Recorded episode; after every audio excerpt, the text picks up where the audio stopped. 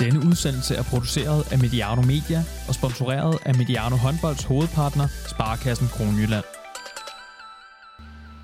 Velkommen til Mediano Håndbold Legends. Mit navn er Johan Strange. Foran mig står en mand, der ved rigtig meget om håndboldens historie, Thomas Ladegaard. Og Thomas, hvis man øh, nu lavede et cirkeldiagram over din primære årsag til din svenskofili, hvad er, hvordan er fordelingen så mellem svensk politik, svensk musik og svensk håndbold? Den var svær, Johan. Øhm, jeg vil nok sige øhm, 40% øh, håndbold, øhm, 40% øhm, musik, og så 20% tilbage til, til politik og Olof Palme. Og jeg ved, øh, at du bobler af glæde over den udsendelse, vi skal øh, lave nu her. Vi skal nemlig tale svensk håndbold, svensk herrehåndbold. Vi skal tale Bengt Johansson, vi skal tale Magnus Wislander, Staffan Olsson, Per Kalén, Miraklet i Prag. Det handler om et dynasti i international herrehåndbold, de svenske Bengern Boys.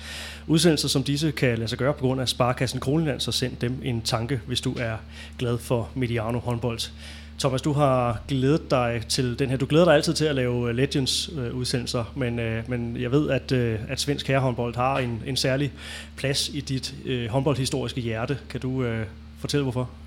Ja, der er noget ved de her Bangern Boys, som stadigvæk også, øh, ja her snart 20, 20 år efter, bare hænger ved. Øh, ja, og jeg tænkte også på det, da vi skulle forberede os til i dag her, at øh, der er jo noget med, at øh, de kom jo frem på et tidspunkt også, hvor de danske herrer var øh, sådan på vej ned, kan man sige. Så det var, måske var det også noget med at finde nogen at holde med og holde af. Øh, men så vil, vi, så vil jeg også sige, at det vi jo også kommer lidt ind på, det er jo nogen, der... Altså det var jo øh, Øh, hele duellen med Rusland, og altså det, det, det var en episk tid, vil jeg faktisk sige, i, øh, i håndbolden, og de her Bang Boys, det er en historie om dem, den tror jeg, vi, den vil leve videre også, lang tid efter vi ikke er her mere. Og det er jo øh, et lidt frækt spørgsmål måske, men du er selv inde på det her. Var, var de i virkeligheden alt det, som Danmark forsøgte at være, ønskede at være i den her periode? Altså bolsedrengene var et, et lige ved og næsten mandskab, har du også øh, talt om før. Så kom svensken ind fra, fra højre, så øh, var det alt det, vi, vi prøvede at være? Ja, og så var de det jo selvfølgelig også på en meget, meget, meget svensk måde, vil jeg sige. Øhm, og med, med den svenske måde, der mener jeg, at de var jo et, øh, et fantastisk kollektiv. Øhm, og det er måske det, der er, man kan sige, øh, som er lidt forskellen på noget af det, vi har set med dansk håndbold, og det, vi har set med svenske. Selve historien om Bengen Boys, vil jeg sige, det er jo historien om et fantastisk kollektiv og en fantastisk leder. Øhm, og det har vi prøvet i dansk håndbold. Øh, vi har aldrig nået dem til sokkerholderne. Og den periode, som vi så skal tale om her, den går jo fra omkring øh, 1990 og så til øh, ja, omkring øh, starten af det nye årtusinde. Øh, men, øh, men som altid, når det, øh, når det er med dig ved, øh, ved roret, så, øh, så ligger der flere år på, øh, på hver side af, af den tidslinje, og det skal du nok få, lov, få lejlighed til at, at uddybe, hvorfor. I forhold til øh, den her øh, bog, Håndboldens Legender, som, som du står bag, så øh, noterede jeg mig, øh, jeg sad sådan og prøvede at dykke lidt ned i, i, i svensk håndbolds øh, historie her. Øh, I din bog, der har du ikke nogen svenskere på, før øh, Magnus Wislander kommer, og så efterfølgende Thomas Svensson og, og Stefan Løvgren, og så, jo, øh, Mia Hermansson Høgdal, men hun, men hun, er jo, øh, hun er jo kvinde. Så, øh, og der er heller ikke nogen siden. Så øh, hvad fortæller det noget om? Ja, der er faktisk øh, Stockenberg fra 50'erne. Altså, øh, svenskerne havde et landshold, der blev verdensmester to gange i 50'erne. Øh, men så gik der så den her lange periode frem til 1990. Øh, men så det er måske lige så meget at, at hive fat i, hvorfor der ikke er så meget efter. Der kan man så sige, øh, det var noget af det, som Bengt Johansson måske ikke formodede, det var at, at give den her fakkel videre til, til nye generationer. Det er ikke sådan, at de svenske herrehåndbold, de ikke kan kaste og gribe og ikke er meget, meget dygtige. Men man kan sige, at de fire verdensmesterskaber, som, øh, som svenskerne har, det ligger altså i 50'er-perioden, og så ligger det i, under Kurt Vadmark, som var den store træner der, og så ligger det i Bengen Boys-perioden. Og som altid, som øh, vi gør, når vi skal have præsenteret det specifikke, så skal vi lige have tegnet billedet, tegnet landskabet af verdenshåndbolden. Og øh, det gør vi lige lidt kortere end øh, normalt, fordi at det her ligger jo øh, næsten parallelt med en udsendelse, vi, vi allerede har lavet. Øh, og det er den om, om Talant Dushibayev, øh, som du kan finde tilbage i vores feed. En dobbeltudsendelse om den her først sovjetiske, siden spanske håndboldlegende. Øh, så vi har jo snakket om, om øh, om, om landskabet øh, før, men lad os lige få ridset, øh, få ridset op i, øh, igen her i, øh, i 80'ernes herrehåndbold. Er det et, et smalt landskab, eller er det et, et meget sådan bredt funderet landskab af, af hold, der dominerer? Altså man kan sige, der er, der er mange gode lande, men det er også en tid, hvor på herrehåndbolden, hvor øh, Sovjetunionen er meget øh, dominerende, øh, hvor jugoslaverne jo øh, virkelig også har en opblomstringsperiode omkring metaloplastika, men også hvor lande som øh, for eksempel DDR, sådan set også Polen, øh, er meget dominerende også, på, også i klubhåndbolden. Øh, men man kan så sige, efterhånden som vi bevæger os op mod, øh, mod 1990, det er jo så også der, hvor, hvor håndbolden, og man kan næsten sige, øh, hele det politiske landkort er under sådan en stor forandring. Øh, og det er, øh, man kan sige, den mulighed, den chance, den benytter svenskerne sig så i. Deres, deres tilløb er relativt langt. De forbedrer deres præstationer op igennem 80'erne, øh, men det helt store gennembrud kommer så efter murens fald og på vej ind i 90'erne. Og øh, når du siger sådan politisk opbrud, så lad os bare være konkrete her. Altså det er jo Sovjetunionens øh, opløsning, øh, og, og Sovjetunionen var blandt de, de dominerende nationer, men det samme var, øh, var jugoslaverne øh, også, som, øh, som du også er inde på. Hvad, øh, hvad er styrkeforholdet mellem, øh, mellem de her nationer? Jamen det, altså jeg vil sige, når, ved udgangen af 80'erne er Sovjetunionen, som vi talte om i afsnittet om med Dutjebaev, der er de jo alt dominerende. De er faktisk, øh, jeg vil sige, de er især alt dominerende på ungdomssiden, hvor de jo øh, det ene UVM efter det andet, der producerer de bare et nye kul af talenter. De vælter sig næsten i, i store verdensnavne. Dønningerne og det, det var jo langt op i, op i nullerne. Øh, så det, det er, kan man sige, det store dyr i åbenbaringen, men altså jugoslaverne er på det tidspunkt er de måske den eneste nation, der faktisk kan udfordre dem, og det gør de jo også, også på, på, øh, på UVM-siden. Der er nogle jugoslaviske generationer der også, som, øh, som, som faktisk øh, et år faktisk rent faktisk lykkes at vinde et UVM på hjemmebane. Vi skal tale en hel del om, øh, om, om Bengt Johansson. Øh, der er en, en forløber før ham, som er væsentligt at, at hive fat i, men, men bare lige for, for tidslinjens skyld, hvornår kommer Bengt Jørgensen, Bengan, ind i øh, billedet her? Bengt Jørgensen bliver, bliver svensk landstræner i 1988, altså efter OL i Seoul. Øh, han, øh, han er faktisk blevet tilbudt jobbet i flere omgange og har takket nej. Han er øh, tidligere landsholdsspiller selv, øh, træner i, øh, i, Drot, i Drot Halmstad.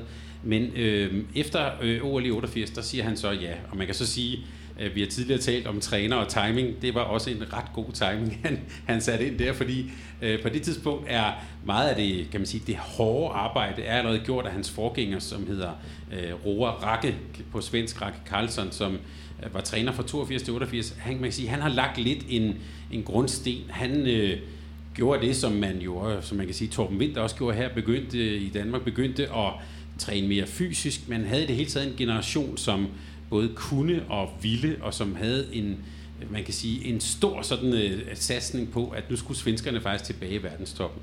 Og da de er godt på vej op, der kommer Bengt Johansson til.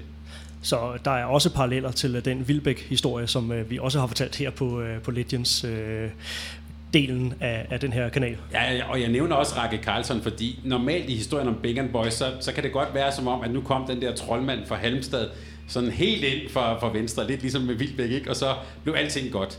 Det var i virkeligheden noget, som havde været på vej ret længe, men han, man kan så sige, det han gjorde, det var så at gøre dem til et vinderhold, og det er selvfølgelig en meget stor bedrift. Ja, der skal jo som regel en, en leder til at, øh, at toppe det gode forarbejde. Det er jo en historie, der er set før. Roar Carlsen Rakke, øh, som altså var, var landstræner fra 82 til, til 88. Hvad skal der ellers øh, siges om, om ham og det arbejde, han ligger øh, op til, til 88, hvor, hvor Bengeren bliver, bliver landstræner? Altså man kan sige, det er jo en, øh, en periode, hvor han, han skal lidt ind og, og genrejse svensk håndbold, øh, den svenske herrehåndbold. Øh, de, de har været en, en, en del år ude i mørket, hvor man kan faktisk sige, at det var jo Danmark, der var, var foran. Øh, og, og svensk håndbold på det tidspunkt, op igennem 80'erne, er på herresiden, er domineret af to øh, store klubber. Det ene er Drott Halmstad, øh, hvor Bengt Johansson kommer fra, og den anden klub er Red Baslit fra, øh, fra Jødeborg. Som, og der findes, øh, jeg kan også sige, på nettet ligger der altså virkelig nogle episke opgør øh, i, om, om det svenske mesterskab. Mange af dem endte tit, det var bedst af fem, altid i en femte kamp, hvor der blev scoret uh, to sekunder før tid. Men det var også to, øh, det var to store klubber, men det var også to forskellige stilarter, to forskellige tilgange. Der Halmstad den her meget kollektive, meget sådan, som Ben Johansson også kørte med, med en playbook, meget styret spil, hvor Red Bears var meget mere inspireret af Jugoslavien. Øh, Øh, og der er sådan et, et, øh, et, et meget vigtigt øh, punkt i, i svensk håndboldhistorie, hvor to trænere fra Red Baslit tager ned og følger jugoslavernes forberedelse til OL i Los Angeles. Og det er det, som bliver til det meget berømte Ljubljana-papir. De skriver simpelthen et notat om, hvordan man kan træne, hvad vi kan gøre, hvad det her kan betyde for, for svensk håndbold. Og man kan sige, ud af det, det bliver sådan lidt et udviklingspapir, som de kommer til at arbejde videre med. I 85 laver svenskerne også, det er meget svensk, sådan en analyse af, øh, øh, til deres målmænd, øh, hvor de har taget, jeg tror det er flere tusind skud fra slutrunder og sagt, hvor falder skuddene henne egentlig? Og ud fra det laver man så en analyse, der så fører til, at man kan øh, egentlig øh, udvikle den her meget berømte svenske målmandsskole. Det sker faktisk også på det her tidspunkt. Og så vil jeg sige den tredje ting, Johan, som, som kommer her, det er, at der så kommer en generation af spillere, som, øh, ja, som vi kommer til at høre meget mere om. Og de får deres store gennembrud ved UVM i 1985. Øh, der spiller de sig faktisk øh, helt frem til, øh, øh, til finalen. Der taber de til Sovjetunionen, men altså på det svenske årgang, øh, hvad hedder det, landshold, det er så årgang 1964. Øh, det er spillere som øh, Staffan Olsson, øh, Ola Lindgren, Magnus Wislander, øh, og så den faktisk den helt store stjerne, som øh, mange nok vil have glemt, nemlig Peter Jerpak, som spillede i CV Hof. Øh, en, en fyr, der fik sin seniordebut som 15-årig og scorede 15, 17 mål i sin seniordebut. Altså, øh, men der kommer nogle spillere, som er øh, meget, meget dygtige. Altså en meget, meget dygtig generation. Vi kan bare lige sige, at i den UVM-finale, der taber de med fem mål til Sovjet. På det sovjetiske hold var der en fyr, der hed Alexander Tutskin, øh, en venstrefløj, Valery Gopin. Så vi ser allerede her i 85 øh, tegningerne til det, som skal komme i, øh, i 90'erne meget dygtige overgang her. Ja, hvis man kan høre en summen i øh, baggrunden, så er det altså vores, øh, vores vindmaskine. Der er, det er ren Eurovision her. Men øh, det er et meget varmt lokale, og vi er nødt til at have en, en lille smule luft, der ikke kommer ind ude fra, fra gaden. Det er svensk, svensk melodikamp, ikke? Ja, meget. meget. Og de, de startede jo også deres dominans i, øh, i 80'erne.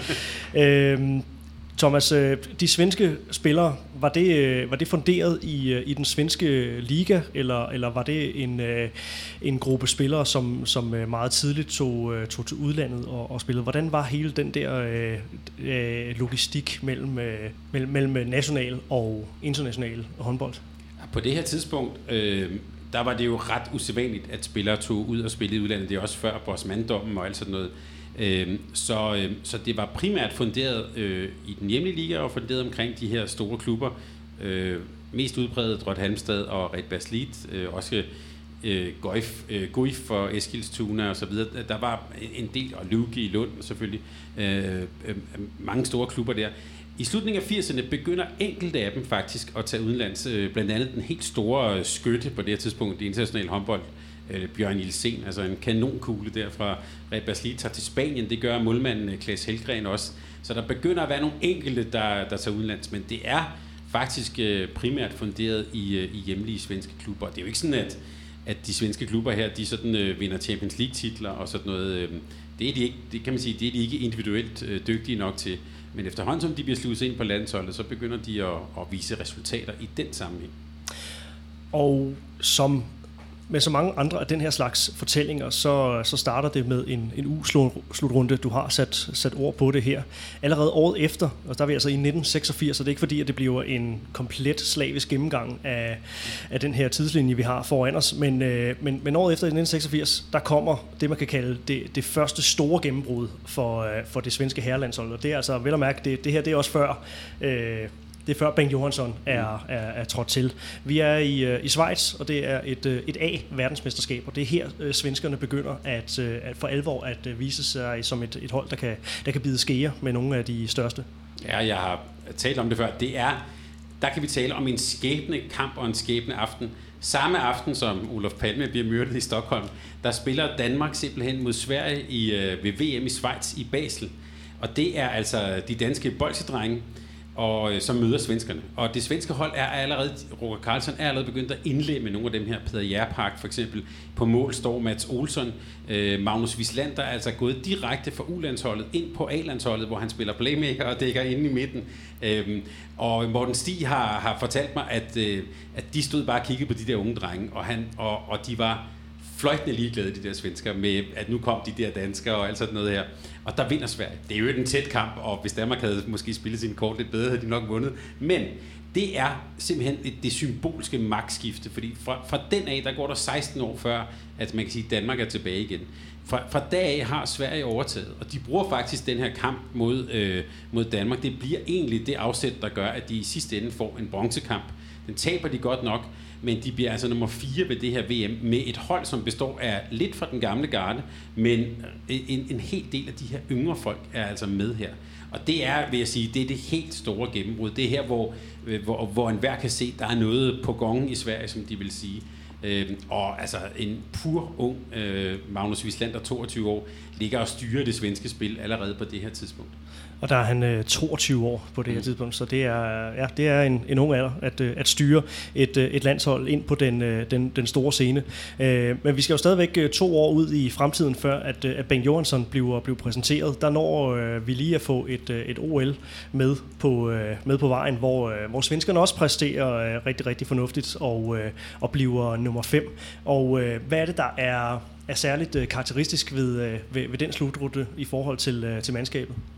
Altså man kan sige, det er faktisk her, hvor generationsskiftet virkelig bliver ført igennem. Det sker løbende, men øh, her, her ved det her øh, OL, det er så første gang, vi for alvor får set Staffan Olsson med det gode, lange, stokholmske hår.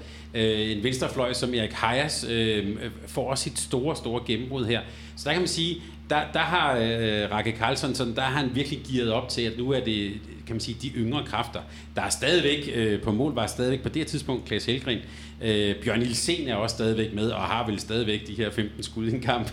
Øh, men, øh, men, men det er her, hvor, øh, det er her, hvor, hvor man kan sige, øh, at nu kommer de her Bang Boys, det er her, vi begynder at se Øhm, så, så på det tidspunkt kan man også rose øh, øh, Roar Karlsson og svensk håndbold for, at de faktisk laver et meget, meget glidende generationsskifte. Altså, den her årgang 64 kommer stille og roligt med ind, samtidig med, at man har en, øh, en hvad kan man sige, en, øh, en, en ryggrad i holdet. Øh, og den ryggrad, vil jeg faktisk sige, på det her tidspunkt, det er øh, stregspilleren Per Karlin. Øh, en usædvanlig øh, fyr, en skovhugger fra, fra Ystad, øh, kæmpe firkant øh, og meget usædvanlig for en stregspiller, venstrehånd, øh, øh, dækket, dækket op ind i midten og er ikke bange for at gå ud og øh, skal vi sige, at tage et lille slagsmål og en udvisning en gang imellem. Men øh, også en af dem, som i den grad, kan man sige, vi, vi taler jo ofte om det her med at være kulturbærer.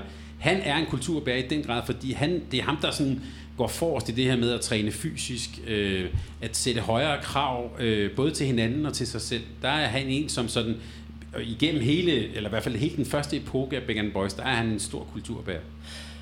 Kan du huske noget om, hvordan øh, man som håndboldinteresseret øh, tog imod det her øh, fremadstormende svenske landshold? Altså begyndte man at lægge mærke til dem på en måde, hvor man siger, de her, de vinder guld på, øh, på et tidspunkt. Vi skal ind øh, på noget med nogle, øh, nogle høje odds øh, øh, på et tidspunkt her om lidt. Øh, men øh, ja, hvordan, øh, hvordan øh, lagde man mærke til dem? Altså det var, det var tydeligt for enhver, at der var jo en, en, en særlig generation, som var på vej frem. Men jeg tror ikke, der var nogen, der havde forudset, hvad der skulle komme til at ske fra 90 og frem. Øhm, altså man kan sige, hvis man bare kigger på en spiller som øh, Magnus Wislander i sig selv, vi kan også sige Staffan Olsson, det er jo ikke, øh, det er jo ikke sådan en spiller, der, øh, der stikker ud, ligesom en Mikkel Hansen gør nu, altså hvor, hvor man skal være døv og blind for at se, hvor dygtig han er. Øh, Staffan Olsson, det er jo ikke sådan, at han har hoppet ikke op og scoret 12 mål, eller Wislander, altså øh, måske en af de klogeste spillere, der nogensinde har været, men, men det man ikke kunne se, det var, hvad de kunne øh, drive det til som et kollektiv. Og det er jo det, der er øh, historien grundlæggende om Bang Boys. Det er, det er jo en masse individualister, ja vel, men det er deres kollektiv, som i virkeligheden er, øh, kan man sige, selve deres styrke. Og det tror jeg ikke, der var mange, der havde set i 88. Man kan godt sige, at de var dygtige. Og det var jo også, op igennem hele 80'erne, var det jo Bjørn Nielsen, der stod for at score 10 mål i hver kamp. Øh, og, og det var ligesom, det var, det var sådan svenskerne var. Øh, sådan var det også hjemme i den hjemlige liga. Altså han bumpede løs. Øh, er det også en af årsagerne til, at, øh, at du ikke har, har flere af de her svenskere med i din, øh, i din samling af, af legender? Altså det her med, at det var kollektivet, der, der var stjernen. Der var selvfølgelig et par enkelte kransekagefigurer og, og nogle spillere, som øh, for evigt og altid vil, øh, vil stå som nogen, der har, har præget verdenshåndbolden. Men øh, ja, det, det var det her kollektiv, der, der bar. Ja, men altså, det er også fordi, man kan jo ikke... Altså, få vil nok sige, at Staffan Olsson er den, en af de bedste højrebacks i verdenshistorien. Det er han jo ikke. men han var med på en af de bedste hold, der nogensinde har været. Øhm, og det samme kan man også sige, om nu nævnte vi Erik Hayek, øh, venstrefløj, altså en af de hurtigste venstrefløje. Han er jo ikke lige frem sådan Kasakevich eller Isakovic eller Lars Christiansen fra Danmark. Men han var godt nok øh, dræbende effektiv. Var, øh, var de mere effektive, end de var dygtige? Ja, det vil jeg sige. Mm. Øh, det vil jeg sige. Altså, du, kan, du kan også sige, du kan også sige øh, øh, øh Per Karlen er ikke lige frem en skønhedsåbenbaring, men jeg vil godt nok have ham på mit hold, hvis jeg havde mulighed for det. Øh, og det kan man næsten sige hele vejen rundt. Det eneste sted, man så måske så lige kan sige, der var noget, der, der var helt usædvanligt, det er selvfølgelig på målvagt, eller på, nu taler jeg svensk, målvagtspositionen, målvagterpositionen. Deres målvend, de stak altid ud. Og det har de gjort lige siden Klaas Helgren. Det gør de stadig den dag i dag. Ja. Det, det er bemærkelsesværdigt på et, øh, på et hold, der ikke tilhører den internationale absolute top, så er det stadigvæk nogle af de målmænd, man helst ville have på sit, uh, sit klubhold, hvis man uh, var, var manager. Og som vi har talt om tidligere, på den måde er nogle gange håndbold jo et utroligt simpelt spil. Mm. Altså, du dækker godt op, du får nogle redninger, du har nogle hurtige fløjte, du scorer nogle kontramål, så er du faktisk meget godt kørende i en håndboldkamp. Og øh, netop det her med, med spillestilen, 6-0 stødende træer, øh, Bengt Johanssons øh, playbook, den måde, som Sverige greb håndboldspillet an på, var det noget, der var særligt svensk, særligt skandinavisk, eller var det øh, øh, på en eller anden måde et udtryk for en, øh, en tendens? Altså, du kan jo godt lide at tegne de her øh, linjer over øh, kan man sige, spillets udvikling også. Øh, ja, hvordan, hvordan placerer Sverige sig i, i, i den kontekst?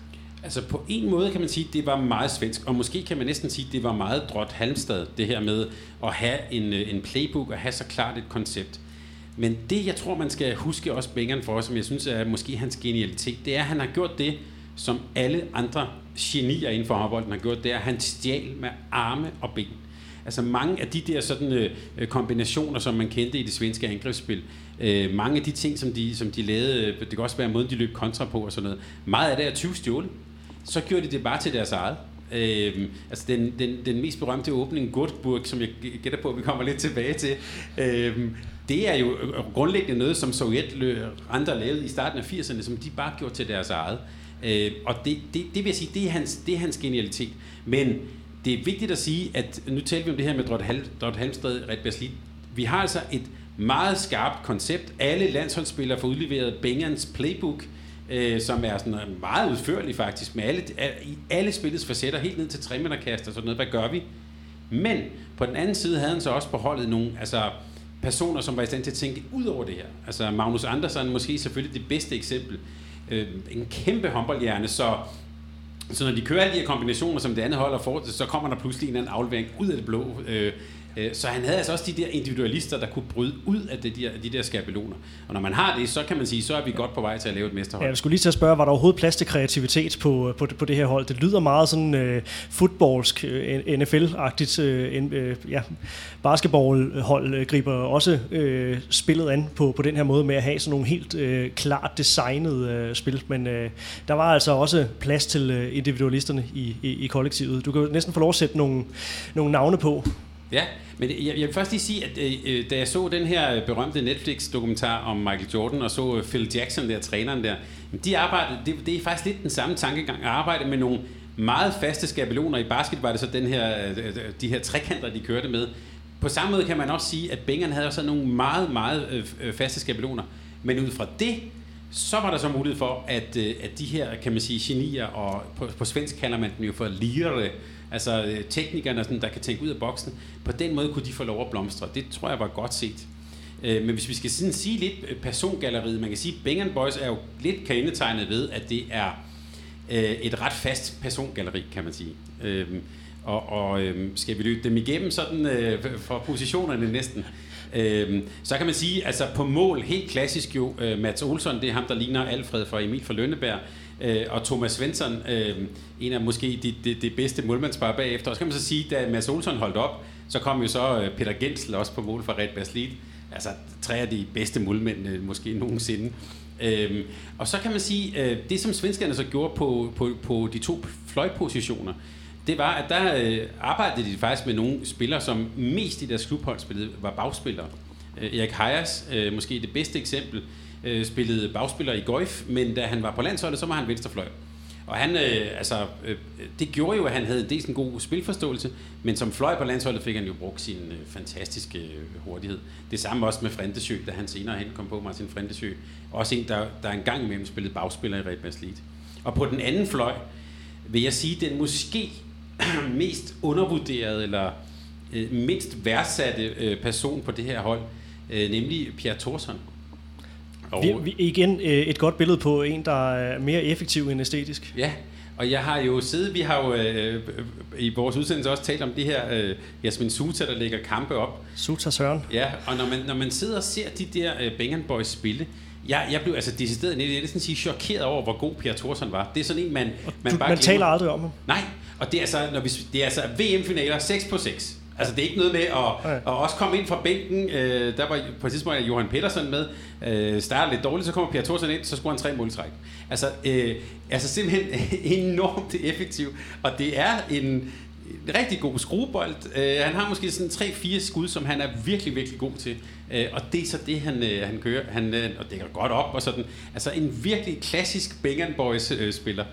Skal vi øh, ikke sætte nogle ord på en af dem, som øh, jeg måske mener, du har øh, udladt i, øh, i øh, legendebogen, så kan du få lov at sætte øh, flere ord på ham øh, her. Pia Thorsson er, er, er så heller ikke øh, med. Men, øh, men på højre bak, Staffan Olsson, øh, altså måske den mindst øh, æstetiske øh, ja. højre, højre bak, som, øh, som historien nogensinde har set, er, er, er de rigtig dygtige. Ja, hvad skal der siges om, øh, om, om Staffan Olsson og den rolle, han havde på, på det her Bengal Boys? Altså, jeg vil måske, måske skulle jeg have lavet en særlig kategori, der hed verdens bedste holdspiller. Øh, for det, det ser jeg ham faktisk lidt som. Øh, altså, han er jo ikke slet ikke en, en, en højre bak som øh, Lazarov, eller øh, øh Gruja, eller Klimpel, eller sådan noget. Altså, han er slet ikke i nærheden af dem som skytte. Men altså, hvor mange gange han ikke har fundet Vislander øh, inde på stregen i en eller anden underlig, øh, øh, på en eller anden underlig måde, både i Kiel og, øh, og for Sverige. Øh, og han var jo også en type, der var jo i nogen... Øh, i, kan man sige, i nogle overgange, hvor, kan man sige, hvor han måske ikke var helt så stærkt skydende, men så var han en dygtig forsvarsspiller. Øhm, der er også nogle af de her store finaler for, mod Rusland, hvor han, øhm, hvor han måske er to på otte skud eller to på ni, men hvor han alligevel laver nogle afgørende aktioner, stjæler afgørende bolde og dækker rigtig, rigtig godt op over for eksempel over for Kudinov.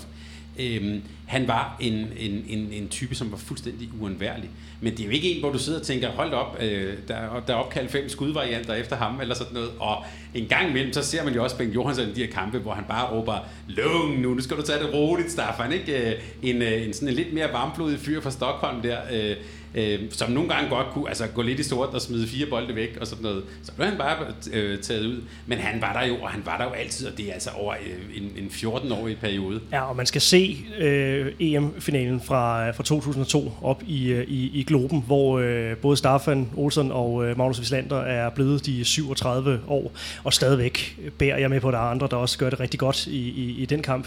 Men, øh, men, men øh, de, de bærer jo øh, det her øh, Bengal Boys øh, landshold stadigvæk i en, øh, i en så høj alder. Du kan se, du kan se viljen, altså de kan stadigvæk også vinde dueller på, på ren vilje og, og fysik oppe i, øh, i, i, i den alder. Altså fuldstændig, øh, fuldstændig fantastisk. Ja, og hvem er det, der scorer til sidst? Det er selvfølgelig Staffan. Det er klart. øhm, og han var også, altså han er jo, jeg synes også, vi skal berømme ham lidt for, han, nu siger du en høj alder, det, han var jo også en af de første, der begyndte, han arbejdede for eksempel med øh, også i Kiel med yoga, og altså med, med ting, der gjorde, at han kunne man sådan, både forlænge karrieren, men også passe godt på sin krop. Øh, og det kan man sige, det er måske også en af de sådan, øh, øh lærer, eller sådan, øh, nogle af de ting, som går for Bingham Boys, det var nogen, der tog deres øh, idræt og tog deres håndbold, tog den meget, meget seriøst. Vi, øh, vi nærmer os den helt store formtop, den første, det første kæmpe store peak på, øh, på den her svenske kurve. Og øh, her har Bengt Johansson jo ikke været landstræner i, i mere end, end to år. Og øh, vi skal selvfølgelig til, øh, til Tjekoslovakiet, miraklet i Prag.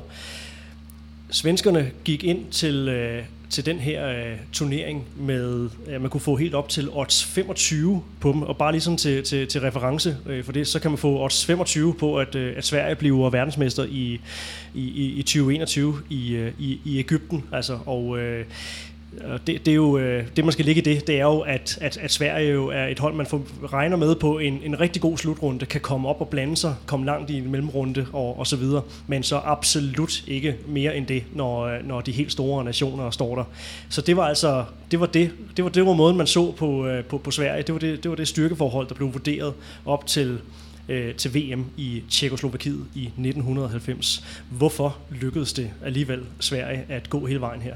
Ja, vi skal lige huske at sige, at Ben Johansson satte jo 1000 kroner øh, på, det, på, på sig selv som verdensmester. Det måtte man godt dengang, ja. ja, det må jeg åbenbart. Ja. Det fortæller han fint om, ja. ja. Øhm, jamen altså, man kan sige, øh, jeg tror, de fleste, selv bookmakerne, ville nok have set, at Sverige var et hold, der var på vej frem, men at de skulle komme så langt, det, det var der ikke nogen, der havde regnet med. Og det skal så også siges, at nu ved jeg ikke, hvad odds var på Sovjetunionen som verdensmestre, men det er, tror jeg, godt, de var olympiske mestre, og det er måske det bedste sovjetiske hold, der nogensinde har været. Altså de, øh, i hele turneringen, der trumlede de de andre hold ned, altså vandt med 10, 11, 12 mål og skiftede fint ud og altså spillede noget af det bedste sovjetiske de, spil, de, der de, nogensinde har været. Men de cruisede så faktisk igennem øh, Fuldstændig. Ja. fuldstændig. Altså det, det, det, ligger også på YouTube. Du kan se dem spille mod Spanien. Spanien er et meget godt hold. Der tror jeg, de vinder med 12. Øhm, og, og, stille og roligt. Ja, stille og roligt, du ved. Og, og det var virkelig på et klassisk sovjetisk mål. Der er Lavrov på mål, og så stod der fire mand på to meter, og så løb de en masse kontra. Og, øh, altså virkelig, virkelig... Øh, øh og, og, og Kasakiewicz var med. Altså meget, meget, meget, meget godt hold. Så at se Sverige... Øh, bare have en chance mod dem, det, der, der, der tror jeg ikke engang de vildeste svenske optimister øh, var på det, var der. Men øh, også som flere af de andre fortællinger, vi, vi har lavet, så er, så er det jo en optimisme, der stille og roligt begynder at vokse, begynder at, at boble i løbet af den her turnering, og man ser det her svenske hold, der er på vej. Det er måske mere end, end bare på vej. Kan du huske, om der er noget tidspunkt i løbet af, af den her turnering, hvor, øh, hvor, hvor du selv og, og dine, dine øh, kollegaer tænker, okay, det her, det kan godt blive mere end bare øh, lige ved næsten. Ja, det, jeg vil sige, det, det, det svenske hold i mellemrunden, det, det, øhm, det er der, hvor, de, hvor, de, hvor vi måske for første gang ser, hvad Bengan Boys kan, hvad det her kollektiv kan. Øh, det er der, hvor øh, særligt jo Mats Olsson i målet øh, står helt forrygende, men hvor det her kontraspil for første gang begynder virkelig at flyde. Øh, Erik Heijers scorer et hav af mål, øh, og, og det her kollektivt spil, altså det har verden jo ikke set før, og man kan også sige alle de her kombinationer, får vi for alvor at, og, og, og se her. Øh, og der kan man sige, der, der er det ikke bare sådan, at svenskerne de bare vinder lidt. De spiller virkelig, virkelig god håndbold. Og jeg tror også, at den mellemrunde sådan, øh, fylder, fylder dem op med den selvtid, der gør, at de i sidste ende også tør tro på, at de faktisk har en mulighed mod Sovjetunionen i finalen. Så, så det er en humlebi, der, der gradvist får, får mere og mere selvtillid. De er måske ikke nødvendigvis gået ind til den her turnering og tænkt, øh, vi banker skulle de øh, sovjetter. Det, det, det håber jeg næsten ikke, for så havde de været fjollet. Men, men, øh, men man kan også se sådan, og de dokumentarer, der er lavet om Bengan Boys, og sådan hele deres opladning til, øh, også til finalen, det er med det der lidt skæve svenske blik, der hedder, hvis vi lige, altså, hvor jeg tror selvtiden internt på holdet har været der. Øhm, og og det har, man har vel også stolet på, og det har man fået jo bevist i mellemrunden og så videre øh, undervejs, at vi faktisk har kvaliteterne til det. Så det, man kan sige, hvis man skal vinde som en kollektiv, så skal man jo også tro på kollektivet, og det gjorde de her spillere. Og så lad os tale om miraklet i, i Prag, øh, som øh, jo et eller andet sted er, er, er primært er referencepunktet for, for, for finalen, men det er jo nok altså især hele turneringen, man, øh, man, øh, man i virkeligheden har ment i, i første omgang. Det er bare øh, det er mest blevet sådan et, øh, ja, et, et, et, et begreb for, for, for finalen, når man, øh, når man efterfølgende har, har talt om det. Men, øh, men den her øh, finale, Sovjetterne står der, har, øh, har altså smadret al modstand i løbet af turneringen, men de her svenske opkomlinge øh, har altså fået tro på, at, øh, at nu kan de altså godt udfordre, udfordre verdensherredømmet her. Og øh, jeg kan stille samme spørgsmål. Hvorfor lykkedes det svenskerne at, at vinde den her kamp? Man kan sige, når man ser kampen så, og, og starter med at se den, så vil jeg også sige, der, det så heller ikke sådan ud. Øhm, altså, det starter bare med, at, øh, at Tutskin, han bare, altså ikke bare jorder, han smadrer bolden ind bag Mads Olsson. Øhm, og, og, øh, og man kan sige, at svenskerne dækker op. Klassisk øh, svensk 6-0 med, med stødende træer. Det vil så sige, at når Tutskin kommer ind i de her kryds ind over midten, så, så er der en, der skal træde frem og, øh, og, og prøve at få fat i ham. Og det lykkes, kan vi bare sige, det lykkes overhovedet ikke. Russerne kommer faktisk relativt hurtigt foran. Men det, der så er med svenskerne her i den her kamp, og som er, er det, der måske også gør den her kamp sådan øh, episk, øh, udover selvfølgelig, at det ender med den her overraskende sejr, det er, at svenskerne giver ikke op. Altså, de bliver ved med at hænge på, og russerne fører, og Sovjet fører og så videre, men, men svenskerne bliver ved med at hænge på. Og lige så stille, så begynder de sådan at arbejde sig ind i kampen, og det er måske den, øh, også tro på egne evner. Altså, øh, jeg tror, Sovjet var vant til, at når de først havde kommet ud med den her chokstart, så lagde de andre sig ned, og det gjorde svenskerne altså ikke. Øh, og, og det gør så, at de øh, undervejs i anden halvleg jo får arbejdet ind i kampen, får løbet nogle kontraløb. Og så er der en nøglesituation på et tidspunkt, hvor øh, Tutskin har, det ved jeg ikke om det er hans øh, øh syvende eller ottende gang, han har scoret eller sådan noget. Og der, der går øh, Karl Lens op og siger, nu, nu får jeg til ham, som det hedder på svensk. Ikke? Og han går op bare, og det er to arme lige i brystet på den, stak, den her stakkelse fugl der fra Minsk, øh, som falder ned, og jeg tror i vores dag havde, jeg gætte på, at den havde givet en, en to minutter. Så løber han forbi Tutskin, som sådan rejser sit ben bare en lille smule, hvorpå Karlen så falder om og ligner svanens død, og så får Tutskin to minutter. Og det er, kan man sige, det er, der har du altså også en Karlen, som, er, øh, som også er klar til at gøre, at det måske knap så sympatisk, øh, trække en udvisning, men, øh, men også lige vise, hvem der er ovenpå. Og efter den, efter den episode, så vinder kampen faktisk. Altså, øh, øh Tuskin falder lidt i niveau, bliver måske også lidt, øh, lidt træt. Øh, og til sidst kan, kan svenskerne faktisk løbe fra dem.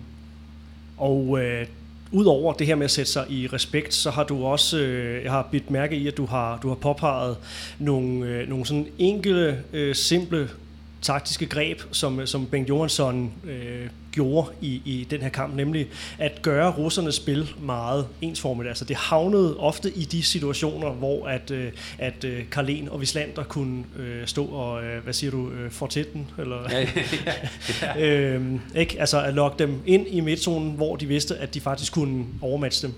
Ja, det, altså det, det, det taktisk interessante i den her kamp er jo, at det er, det er også to filosofier, der er med hinanden. Øh, Sovjet har på det tidspunkt den her øh, altså introduceret den her skæve 5 som mange af de andre hold havde sindssygt svært ved. Det har svenskerne faktisk også. Men der kan man sige, der er en person som Visland, der er jo dygtig til at løbe, så løbe om bag ved det rum og sådan noget. Det finder de undervejs nogle løsninger på. Men det, der er interessant fra svensk side, det er, at her stoler de så meget på deres koncept, altså det her 6-0 med stødende træer.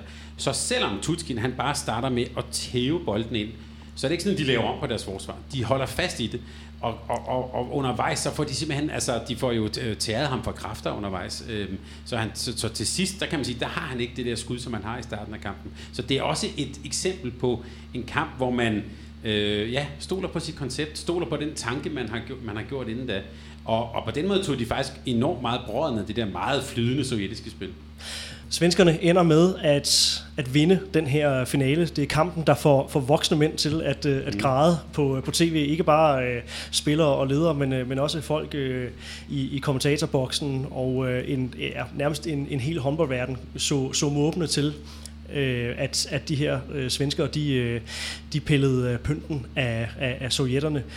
Ikke nødvendigvis den mest velspillede finale i, i verdenshistorien. Hvorfor var den her finale i 1990 så, så mytisk? Hvorfor er det stadigvæk kampen, man, man snakker om? Ja, du har faktisk en, det, du har en god pointe, Johan, fordi Altså, som sagt, det her det er noget, som voksne mænd sidder og græder over i Sverige, der laver sådan noget øh, nostalgiudsendelser og sådan noget. Men jeg har også hørt fra andre, altså øh, vi ved, Kasper Witt blev tændt af, af en vild håndbold efter den her, øh, den her kamp. Og jeg har det også selv lidt, og når jeg tænker til, tilbage, altså der har været andre kæmpe finaler i håndboldhistorien. Men det var som om, den her, den havde ligesom, øh, den havde sådan en ekstra fortælling i sig. Måske fordi det var, det var David mod Goliat, det var, øh, svenskerne var meget elskelige, men det var jo ikke sådan, de spillede helt vildt lækker håndbold, ligesom Korea gjorde. Eller sådan. Altså, det, var, det var meget svensk, men der var et eller andet elskeligt over den her kamp og den her finale, som måske, den indvarslede selvfølgelig også en ny tids komme og sådan noget, men den står meget stærkt, tror jeg, i mange håndbold, håndboldelskere sådan bevidsthed. Ja, for at det her ikke skal øh, igen blive for, for slavisk en, en gennemgang af, af hver enkelt, øh, enkelt slutrunde, så øh, du siger det jo selv, det var jo et varsel om den tid, der, der ventede, men det var jo ikke øh, på den måde Sovjetunionens fald rent, rent håndboldmæssigt, fordi hvis man kigger på, hvad der, hvad der siden fulgte, så var det jo duel på øh, duel, og øh, ganske vist taler man om det her øh, Bengan Boys som et, et dynasti, men der var jo altså også en øh, kompetent modspiller i form af Sovjetunionen, senere det, det russiske øh, herrelandshold. Vi, øh, vi vedhæfter en, øh, en, en liste over øh, betydningsfulde øh, kampe, den komplette liste over betydningsfulde kampe, øh, som du kan se i, i artiklen, der, der følger med den her udsendelse på, på håndbold.nu. Thomas, øh, den her, øh, den her ja, mytiske øh, duellering med, med Sovjetunionen siden Rusland, som jo et eller andet sted startede allerede tilbage øh, i, i, i U-tiden, ikke? det her VM i, i, øh, i 85.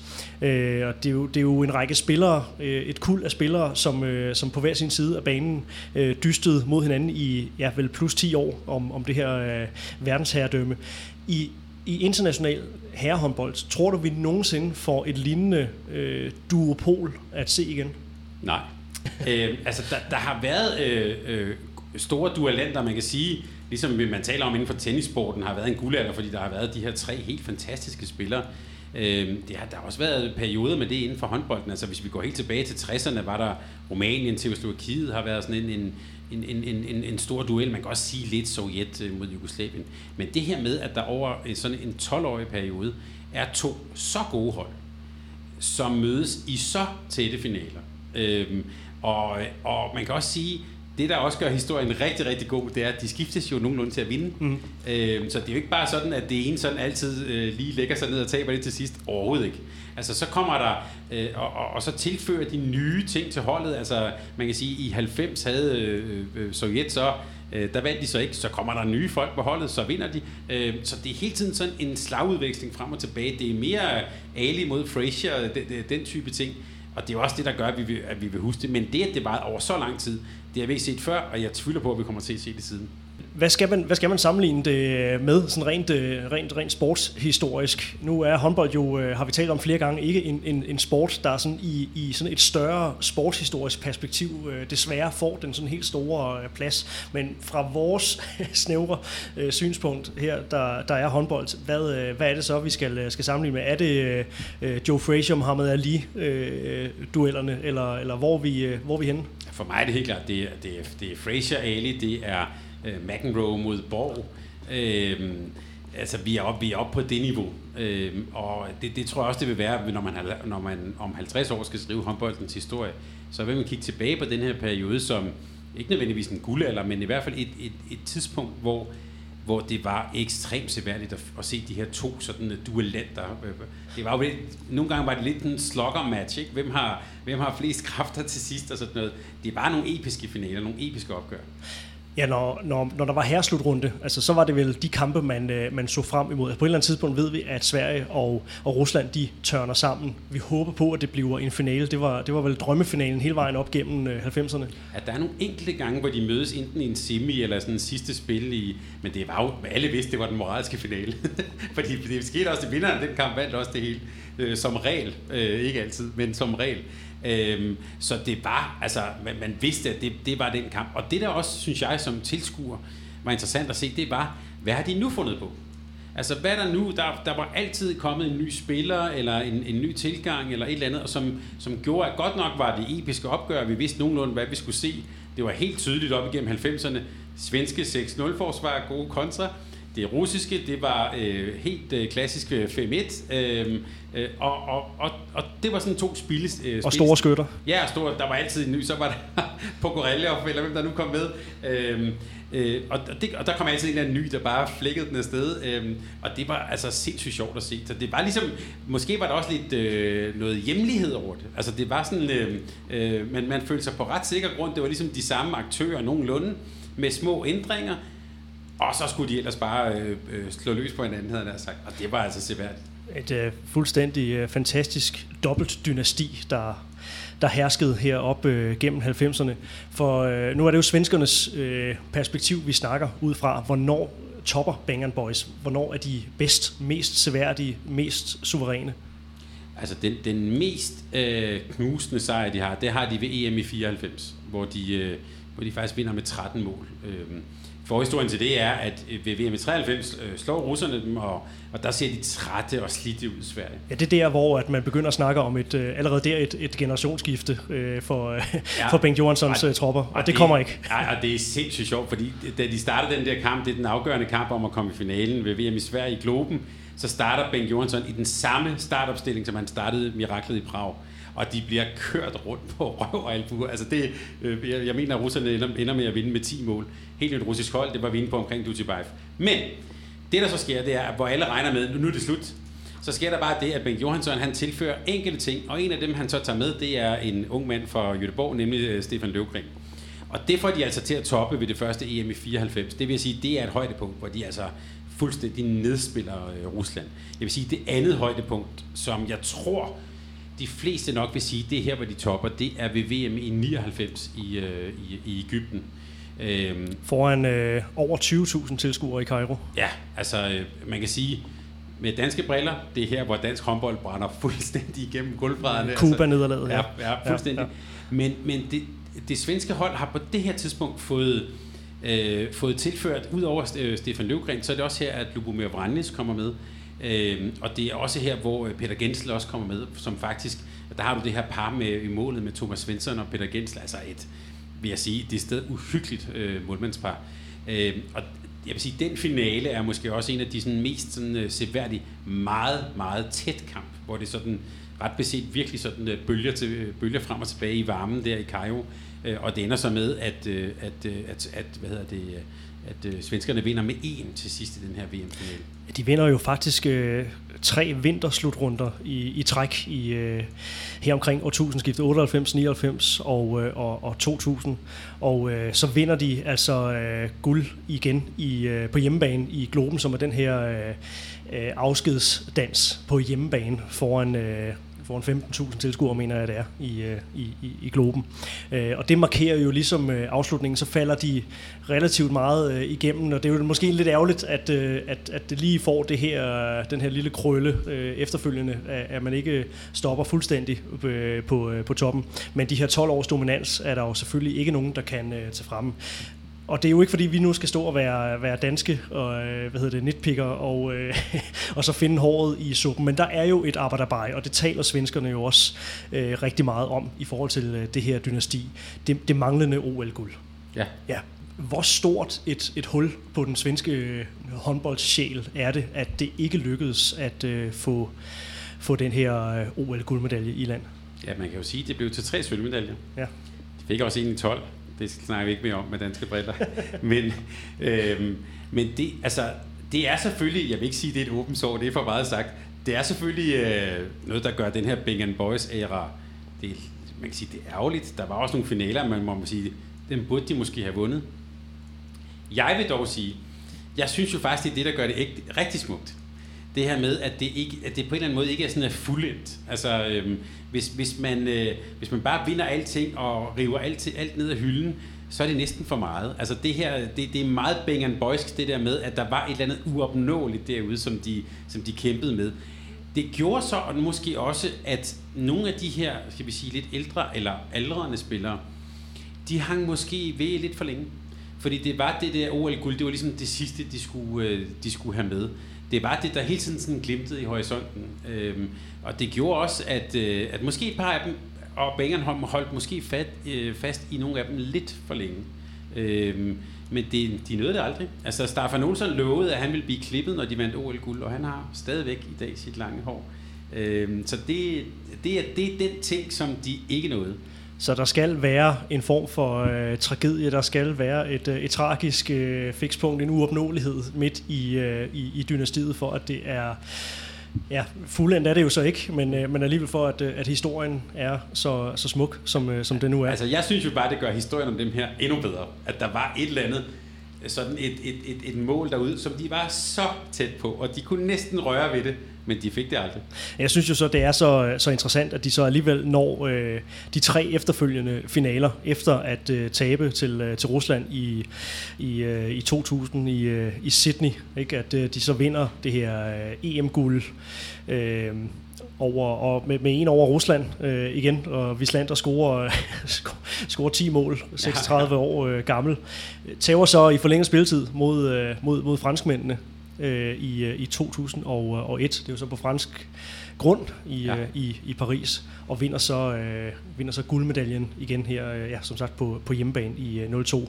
Hvis vi så skal være en lille smule krakisk igen, så, så er Sverige jo vel også øh, lidt heldig med, øh, med det guld i, i, i 02. Altså, der er vel også øh, nogle tyskere, der, der har en sag, hvis de vil, vil angribe den øh, finale. Det tror jeg, vi skal tale med nogle tyske gæster om, men det er ikke blevet glemt. Øhm, altså, der bliver de i, øh, i slutminut, der bliver de bortdømt. Øhm, altså, der er, øhm, så vidt jeg husker, er det Johan Petersen, der løber igennem, øh, altså op, øh, igennem feltet der, og, øh, og, og sørger for, at de ikke får gennemført et angreb. Altså, altså Øhm, det var nok heller ikke sluppet igennem nu. Der, får de, der kan vi godt røbe, at der var måske noget hjemmebanefordel i, øh, i klubben. Jeg tror måske også lige, vi skal, jeg får lyst til lige at få til, Johan, at øh, nu talte vi om det der øh, højdepunktet, det der 99. Øh, der, der skal lytterne også forestille sig, hvis man ikke har set det, det er jo på et tidspunkt, hvor de i, i lange perioder faktisk spillede med en bagkæde, der bestod af Lubomir Vranjes, en mand på, hvad er han, 1,66? Øh, Magnus Andersson, som er um, i hvert fald omkring ikke højere end 1,80, tror jeg, og så selvfølgelig Staffan Olsson. Altså, og så samtidig havde de så Frantesø, som var to meter på venstrefløj. Øh, altså en utrolig, en helt utrolig øh, tophåndbolds øh, bagkæde, og så Løvgren kom selvfølgelig også ind. Øh, men altså, jeg, jeg, jeg nævner det, fordi det var måske lige præcis der, vi så, hvor meget et koncept, hvor meget Bang Boys og Playbook og øh, det her med at være et kollektiv, hvor meget det egentlig kan betyde. Altså, at du behøver altså ikke at have de, øh, de største spillere, de, mest, de største individualister, hvis du i modsætning, hvis du bare har et godt hold. Og det havde de altså her. Så det er måske, skal man se den periode af Bang Boys, altså slut 90'erne, som måske det, er det ypperste eksempel på, hvad håndbold kan som holdsport. Inden vi går til øh, perspektiveringsdelen af, af udsendelsen her, så øh, jeg, kan ikke, øh, jeg kan ikke runde det her forløb af, uden at vi sætter over på Magnus Wislander øh, sådan for alvor. Øh, er med i i VM 85, som du sagde, det, øh, det er fikspunktet, det er her, vi, øh, vi skal starte vores, øh, vores tidslinje, bliver hurtigt flyttet op på A-holdet i, i 86, og er altså med til samtlige de her øh, slutrunder, og er stadigvæk møghamrende god i hans karrieres efterår. Det er næsten en øh, fornærmelse at, øh, at kalde det det, øh, så god som han, øh, han var, øh, også i sine sluttrædver og i de her finaler. Ja, hvad, øh, hvad kendetegner Magnus Vislanders karriere, hvis du sådan skal beskrive det ultrakort, hvad, øh, hvad er det så for ord, der skal, skal sættes på ham? Den måske mest komplette og klogeste håndboldspiller, verden nogensinde har set. Jeg blev faktisk rystet over, da jeg så nogle af de der kampe på Suta, hvor man ser ham spille VM i 86, altså som 22 år gammel.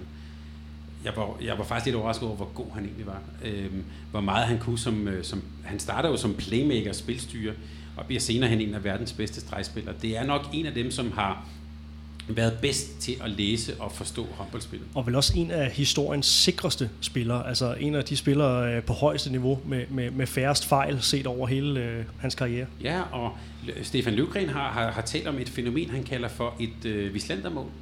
Og det, og, det, øh, og det er fuldstændig rigtigt, jeg har også set efter. Altså, hvis der er en, øh, et skud på stangen, en målmandsredning, og der er en løs bold, så sjovt nok, så står Vislander altid det rigtige sted. Den kommer altid ud til ham. Øh, og det der med at læse spillet, læse boldene, Løvgren har også sagt, når de spillede fodbold til opvarmning, så kunne de spille rundt, bam, bam, bam, bam. Til sidst så stod der altid en anden øh, størrelse 50 og skød den ind i målet, det var Vislander. Øh, og den der sådan spilforståelse, øh, at det, det, det, kan man sige, det er ikke noget, man kan træne, det er et medfødt talent. Og lige præcis det der med træning er jo også interessant med ham, fordi han var jo et, et stort talent, han kom frem tidligt, Øh, det var også der, at han fik sit tilnavn Slangen, fordi han var jo, det var fordi Per Karlin, han synes han lignede sådan en brændslange på det hotel, de boede, så tynd, og øh, som han var sådan en slangemenneske. Øh, og, og, øh, og det, det var simpelthen, det handlede også om, at han ikke rigtig trænede. Han har selv sagt, at han faktisk var lidt doven. Men da han så begyndte at træne, så, så blev han verdens bedste håndboldspiller. Vi har øh, før talt om det her med, med trænerens øh, forlængede arm inde på, på banen, øh, lemliggørelsen af, af det håndboldintellekt, som, som står ude på, på sidelinjen. Øh, Anja Andersen og Bojana Popovic i, i, i kvindehåndbold er måske sådan det, der står, øh, står som det, det klareste øh, eksempel sådan i, i nyere tid øh, i hvert fald. Det er vel også det, man kan sige om, øh, om, om Vislander og, og Bengt Johansson her, altså at, øh, at hvis nogen kendetegnede det her Bang Boys mandskab, så, så, var det, så var det Magnus Wislander. Det er en utrolig god point. Det har jeg faktisk ikke tænkt på før, at, at, at de to måske er øh, ikke yin og yang, de, men de faktisk er lidt en forlængelse af hinanden. Øh, de, de talte jo selv helt åbent om det, selv da, altså undervejs. De kaldte det for et, et selvspillende piano. Altså det var øh, ud, ud fra det her, jeg kan tænke på sådan en western bar, det er ikke, man putter penge i, så kører ja. det selv. Øh, og og det, det var jo at de nåede hen men det kunne man jo også kun nå derhen, fordi at netop at Bengen var så skarp på sit koncept, og hvad han, og hvad han gerne ville. Øh, men man kan så sige, jeg kan jo også godt sætte mig ned og skrive et helt fantastisk koncept, som ser godt ud på papiret. Du skal jo så have nogen til at udføre det derinde, og nogen til at øh, medtænke. Og det var jo også det, som øh, altså Ben Jørgensen var jo klog nok til at vide, at når han havde en så spilklog person som Vislander, så var det nok også meget godt at give ham lidt plads. Nikolaj Jakobsen og, og Andy Schmidt vil være en anden, øh, en andet godt eksempel mm. at, at hive frem øh, fra, fra moderne tid. Her afslutningsvis, øh, Thomas, svensk herrehåndbold, de vil jo for tid og evighed have det her mytiske støv over sig. Øh, du fornævnte den her øh, OL-finale i 2012, det var jo på blandt andet et, øh, på det her tidspunkt pikende Ulrik Vilbæk dansk landshold.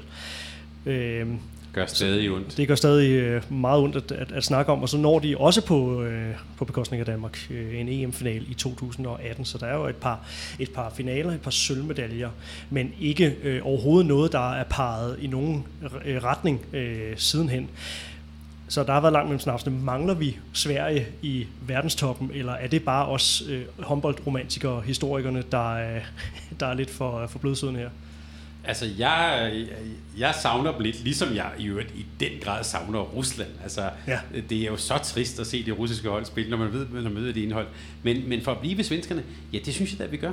Og, og jeg tror også, at, øh, at og det kan vi måske lære af i dansk håndbold, hvor vi lige nu er, sidder på toppen af verden, det er altså også et hold, der kaster utrolig lange skygger. Altså, mange af de her Bang Boys sidder jo også på ledende positioner. Løvgren er i, i forbundet, ikke? og Ole Lindgren, Staffan Olsson har været landstræner osv. Øh, det er også nogle personer, der måske, måske har spillet en for stor rolle i svensk håndbold. Altså, at den her skygge simpelthen er næsten for tung. Og du kan jo for pokker ikke se en slutrunde eller noget på svensk tv eller lignende, uden så står der Bang Boys, Bang Boys. Men Johansson, de var også på gulvet op i Göteborg her og sådan noget. Og jeg synes, det er fedt, de hylder deres helte. Men jeg har også nogle gange tænkt på, hvis man er, øh, hvad hedder det, øh, landsholdsspiller nu i Sverige, det, ja, på et tidspunkt vil jeg da, nu gider jeg fandme ikke at høre mere om de Bang Boys, fordi de fylder rigtig, rigtig meget. Øhm, og, og jeg ved også, at man i, i, i svensk håndbold jo har øh, diskussioner om, ligesom vi også har i dansk håndbold, får vi nu skabt de her talenter, får vi nu, øh, øh får vi nu kørt de rigtige frem, og, og Jasmin Suta, som vi har talt om mange gange for Red Baslit, øh, har jo også været ude med øh, altså lidt en kritik af måden, man, øh, man, op, man opfoster sådan talenter i Sverige på. De har jo meget med, at i ungdomsrækkerne skal man dække meget offensivt og ikke særlig struktureret. Og når man så kommer op på seniorniveau, så går der totalt Ben Johansson i den. Altså så er det øh, 6-0, og det er helt klassisk svensk og sådan noget. Og stødende træer. Ja, og jeg tror, Suta vil mene, som lad os da stå ved vores arv. Altså, hvis det er det, vi er gode til, så lad os da prøve sådan at perfektionere det. Øh, og, og i virkeligheden tror jeg, han, han taler lidt for, at man skal prøve at revitalisere den arv, som Bengt Johansson har, har givet, som, øh, og, og stå ved at sige, at vi har en klar svensk måde at spille håndbold på. I stedet for at forsøge at være, øh, kan man sige, for moderne. Ja, og de, og de, de har selvfølgelig også øh, set alle de der ting, og alle de der rygter om, at man i forskellige ungdomsligaer dækker tre forskellige forsvarssystemer, og altså noget totalhåndbold og sådan noget. Og det, øh, jeg, jeg kan godt, jeg, jeg er jo helt med på tankegangen selvfølgelig, men det som Sutas pointe, det er, lad os nu stå ved det, vi er. Og det synes jeg faktisk er en meget sjov pointe. Ja, apropos det, i håndboldens øh, legender, der har du Bengt Johansson som nummer to på, på listen over øh, de bedste trænere nogensinde. Nummer et er Vlado Stensel, som vi også har lavet en, en udsendelse om her øh, på Legends-delen. Og øh, Thomas, altså efterhånden så vil jeg sige, jeg tror, jeg, jeg kender dig godt nok til at at øh, formode, at det handler om det her med, med fornyelsen af, af spillet. Øh, og det gjorde Bengt Johansson måske ikke helt i, i samme grad, på trods af, at det var et, et klart koncept med en playbook øh, og, og, og så videre. Men øh, ja, hvor, meget, øh, hvor meget sandhed er der i den formodning? Jamen, det er jo selvfølgelig helt rigtigt. Altså, øh, øh altså, Stensel er, synes jeg, er urørlig, fordi han er jo øh, håndboldens, øh, kan man sige, geni. Men, men det, som Bengt Johansson er, det er, at han er håndboldens største leder. Øh, og og det, det er måske aller, det, vi allermest kan lære af ham, det er jo hans måde at lede på. Altså det der med at have en klar strategi, at have en klar vision, jo der også at have en stor selvtillid og sætte penge på sit hold til odds 25. Øh, men at have et lederskab, hvor der simpelthen er plads til, at medarbejderne selv byder ind, at kollektivet bliver meget, meget større end, end, øh, end de enkelte individer. På den måde er han for mig at se altså ja, ikke den bedste, den næstbedste træner nogensinde, men klart håndboldens største leder. Uden tvivl. Og i den forbindelse kan jeg jo ikke lade være med at spørge, øh, hvorfor der ikke er fundet plads til øh, Claude Onesta i din, øh, i din top 10. Jeg kan ikke lade være med at, at spørge, så nu vi er i, i gang med din, din, din top 10, så du skal få lov at, at tale din sag. Vi, vi kan godt blive enige om, at Onesta også har vundet en del medaljer. Ja. Øh, men det handlede om, at der, skulle ikke, der kunne ikke være så mange franskmænd på listen, den her top 10. øh, og, og, og, jeg, og, så jeg måtte faktisk vælge lidt mellem Onesta og øh, den Konstantini. Og der valgte jeg faktisk den øh, Konstantini, fordi det var ham, der, øh, kan vi sige, øh, ændrede fransk håndbold, da, da de stod på et, øh, på et, et lavpunkt. Det var ham, der, øh, der drev dem frem. Det var også ham, der øh, i øvrigt igen stjal med arme og ben fra den jugoslaviske playbook med 5-1 og Indianers og 3-2-1 og så videre, øh, og som gjorde Frankrig til en stor øh, håndboldnation. Øh, og hvis vi lige skal gøre det meget, meget symbol, så kan man sige, at den finale i 2001, det er jo der, hvor Frankrig bliver verdensmester øh, slår Sverige, det er også et, et tronskifte, og derefter kan man så sige, når vi taler om Visland, og derefter kommer så ham, som jeg så synes er lige et nummer bedre end ham, nemlig Karabatic frem. Så, så der er også et stort øh, tro, øh, tronskifte der. Og det kan vi jo tale om ved senere lejlighed, men jeg synes jo, at øh, det var en, øh, en glimrende anledning til også lige at få, øh, få smidt øh, Onesta og, øh, og franskmændene i, i puljen. Du kan jo godt lide det her med, med hegemonier, øh, ja, de store, de store øh, tids øh, æraer her. Ja, ja og man, altså, man kan, det er jo også øjnene, der ser. Altså man kan sige, øh, vi ser i slutrunder, der er altid en masse gode hold, og og nogle gange er det jo også der, vi taler meget om små tilfældigheder, der afgør det. Men når man tager det der lange blik på, så er der jo nogle nedslag i håndboldhistorien, som fylder rigtig meget. Altså 90-finalen er et rigtig, rigtig godt eksempel på, der sker noget afgørende nyt, som kommer til at præge håndbolden.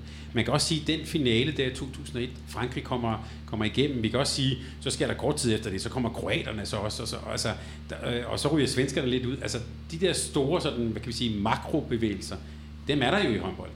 Øhm, og, og, øh, og, og vores danske hold er også et eksempel på, øh, nu har de slået sig igennem. Vi har en helt særlig generation, helt særlige målmænd osv. osv. Øhm, sådan udvikler håndbolden sig heldigvis, vil jeg sige. Og et eller andet sted også et, øh, for os danskere, lidt ærgerligt varsel om, at øh, måske sandsynligvis får det en, en ende på et, øh, på et tidspunkt. Så øh, ja, vi skal huske at, øh, at nyde det, mens, øh, mens vi er gode.